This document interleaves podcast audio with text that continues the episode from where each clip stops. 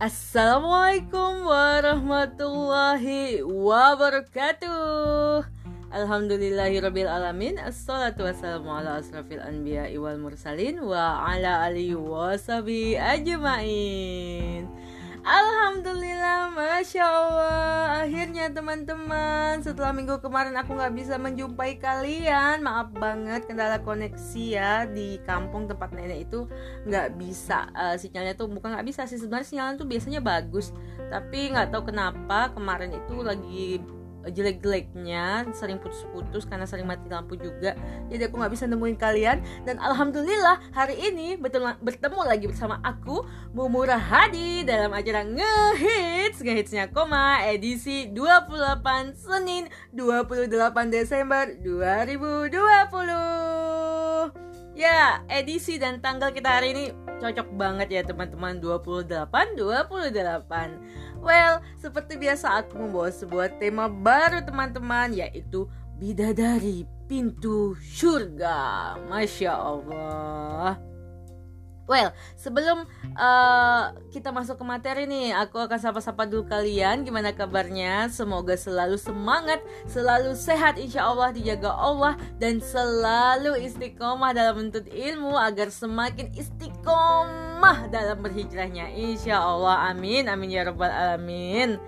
Ya, teman-teman, seperti yang kalian ketahui, tanggal 22 Desember kemarin itu kan hari ibu ya, hari ibu internasional malah bukan cuma nasional di mana anak-anak tuh maksudnya setiap anak berlomba ngirimin orang tuanya tuh gift atau hadiah apalah itu entah bentuknya ucapan uh, kartu ucapan gitu atau kemudian video lagu yang tentang ibu gitu yang menyentuh banget dengan uh, quote-quote gitu kan di videonya itu atau hadiah-hadiah lainnya yang bentuknya nyata seperti misalnya baju, kerudung dan sebagainya gitulah ya. Nah, itu kan bentuk bukti uh, kalian mengekspresikan diri bahwa kalian sayang dengan ibu kalian masing-masing gitu kan. Tapi nih teman-teman, apa cukup kayak gitu setahun sekali loh untuk memberikan membentuk kasih sayang kita ke seorang ibu? Nggak rugi memang gitu kan. Nah, kayaknya bakal rugi deh karena dalam satu salah satu hadis Imam Al Hakim dikatakan bahwa Rasulullah Shallallahu Alaihi Wasallam bersabda, apakah kamu punya ibu? Dia menjawab, iya. Maka Rasulullah Shallallahu Alaihi Wasallam bersabda lagi, tetaplah bersamanya karena sesungguhnya surga ada di bawah kaki, eh, ada di bawah kedua kaki ibumu.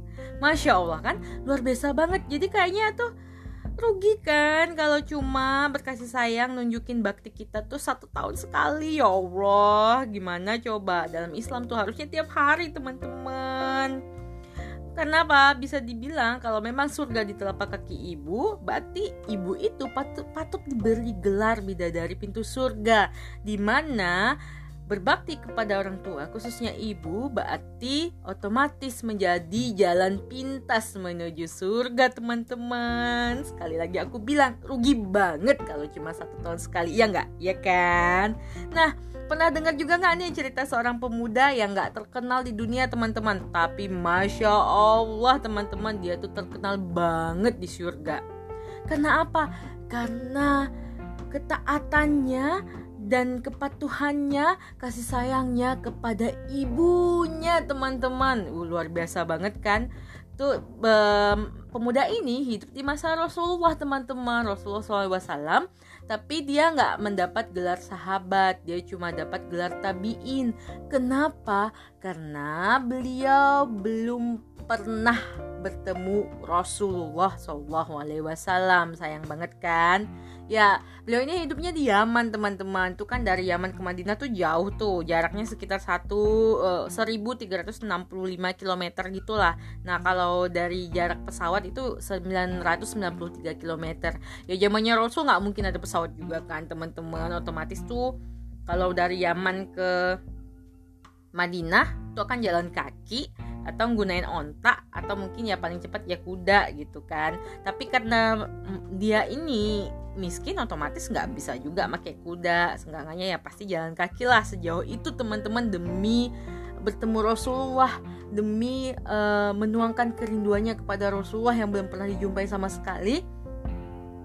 Pengorbanannya masya Allah uh, dia izin kepada ibunya yang sedang sakit dan juga lumpuh itu sebenarnya dia udah nggak tega ninggalin ibunya gitu kan. Tapi gimana lagi rasa rindunya luar biasa akhirnya dia izin dan uh, ibunya kasihan dan mengizinkan dia pergi ke Madinah. Dan setelah menempuh jarak yang tadi aku bilang 1365 km itu dan insya Allah kayaknya pasti jalan kaki dong karena dia orang nggak mampu ya otomatis karena dia juga nggak dikenal sama sekali loh di Yaman uh, apalagi di dunia ya di Yaman aja nggak terkenal gitu kan. Dia akhirnya berhasil sampai ke Madinah. Uh, sayang sekali tidak ketemu dengan Rasulullah. Jadi cuma ketemu dengan Aisyah radhiyallahu an. Jadi kayak apa ya disuruh nunggu gitulah. Kan Rasulullah kan lagi di medan perang belum pulang gitu cuman dia nggak bisa lama-lama. Kenapa tadi? Karena dia gak tega ninggalin ibunya yang lagi sakit dan juga lumpuh sendirian di rumah lama-lama gitu. Otomatis ya udah dia akhirnya cuma titip salam aja kepada Rasul gitu kan melalui Aisyah radhiyallahu an dan memutuskan untuk pulang. Dan kalian tahu ketika Rasul balik, kemudian Rasul nanyain ke Rasul nanyain gitu kan ke istrinya, apakah ada tamu dari Yaman? Terus Aisyah radhiyallahu bilang, "Iya, ada seorang pemuda." Dan Rasul itu langsung bilang tuh kepada sahabat-sahabat bahwa uh, bukan bila ya, Rasul tuh menyebut pemuda itu ada pemuda langit jadi kayak bukan penghuni bumi penghuni langit. Karena saking terkenalnya di langit teman-teman namanya selalu disebut-sebut uh, sebagai anak yang sangat berbakti. Ya siapa kira-kira? Ingat gak cerita ini? Ayo tebak. Siapa kira-kira pemuda ini? Ada yang tahu Hmm, dia Uwais Al-Karni teman-teman Masya Allah kan? Pemuda langit disebut Rasulullah Otomatis Rasulullah memberikan gelar itu nggak sembarang membeli, memberi gelar ya teman-teman. Otomatis Rasulullah itu mendapat uh, gelar itu. Maksudnya tahu gelar itu ya dari Allah tentunya. Nggak mungkin eh, nggak mungkin juga Rasul sembarangan ngomong. Rasul kan bukan orang seperti itu. Makanya gelar itu bisa dikatakan diberikan oleh Allah kepada Uwais Al-Qarni karena Uwais Al-Qarni ini sangat berbakti kepada ibunya teman-teman. Masya Allah luar biasa banget. Sampai dia tuh nggak ketemu Rasulullah walaupun dia rindu rindu banget gitu dan memutuskan untuk kembali uh, hanya hanya itu apa tadi? Karena takut kasihan sama ibunya itu sendirian. Luar biasa kan oh aku jadi sedih deh teman-teman. Kebayang nggak sih dia yang begitunya? Masya allah luar biasa. Sampai nih teman-teman rasul tuh berpesan rasulullah SAW berpesan kepada Ali dan Umar radhiyallahu an kalau ketemu Uwais minta doa dan istighfar kepada dia. Kenapa? Karena dia itu bukan penduduk bumi tadi. Dia itu penduduk langit. Oh masya allah luar biasa banget nggak hanya karena berbakti kepada ibunya kemudian dia muslim beragama Islam beriman kepada Allah otomatis dia berbakti juga karena lillah ya karena tahu berbakti itu e, merupakan amal salah satu amal terbaik di sisi Allah gitu kan berbakti kepada ibu. Dia melakukannya dengan ikhlas luar biasa e, sampai merelakan cita-citanya demi ibunya gitu kan. Jadi Loh, kebayang gak sih teman-teman gimana si Uwais ini masya Allah biasanya dia. Bandingkan deh dengan diri kita sekarang ini. Teman-teman sedih nggak sih teman-teman? Kita yang masih sering eh, ngelawan orang tua kita yang masih sering jahat kepada orang tua kita yang masih sering nyakitin hati orang tua kita yang duh, gimana sih kayak gara-gara orang lain kita tuh nyakitin orang tua kita gitu kan.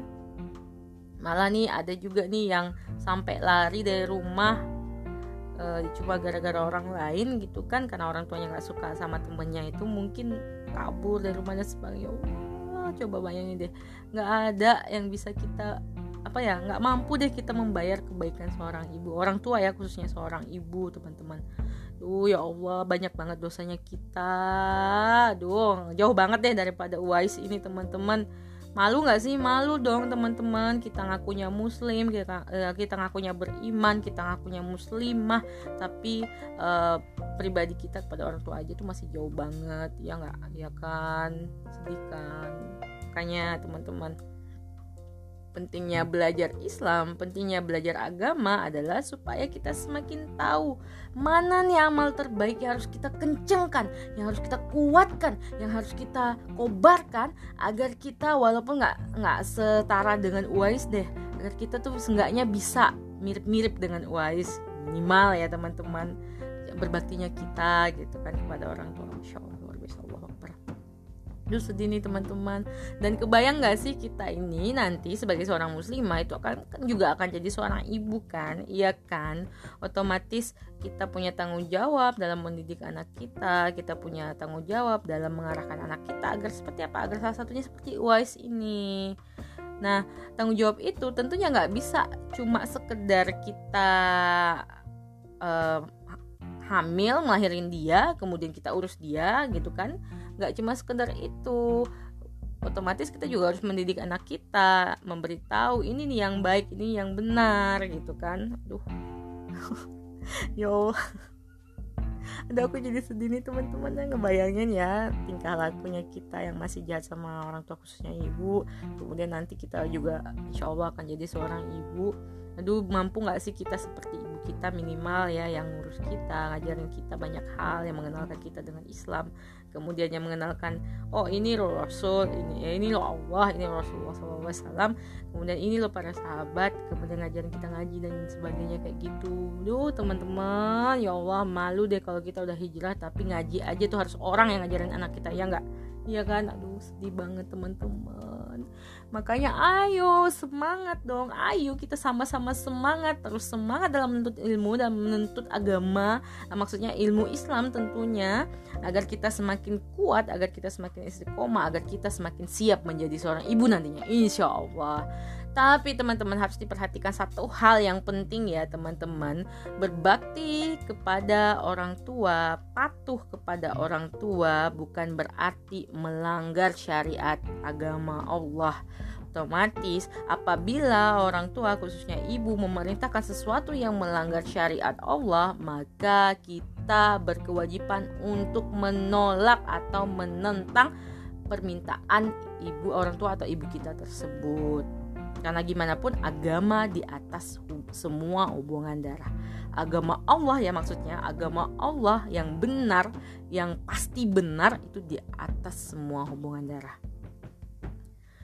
Jadi kembali lagi seperti tadi yang aku bilang apabila orang tua kita atau ibu kita memerintahkan sesuatu yang melanggar syariat Allah maka kita wajib untuk menolaknya tapi menolaknya bukan berarti kasar juga teman-teman. Harus diutarakan dengan santun. Nah gimana caranya? Kadang-kadang kan kita kan tuh kalau udah deket banget tuh kadang-kadang lupa ya Bahwa itu tuh orang tua suka yang seenaknya dewe, seenaknya doang gitu kan ya makanya harus banyak-banyak belajar teman-teman. Aku juga nih aku juga sedang belajar untuk itu karena aku juga sama kayak kalian sama aja. Makanya kita tuh harus saling mendukung dong teman-teman. Kembali lagi harus saling mendukung harus saling menguatkan harus saling menasihati harus saling mengingatkan agar apa? Agar kita sama-sama berjalan di jalan keistiqomahan ini. Agar kita sama-sama hijrahnya tuh kuat insya Allah begitu ya teman-teman.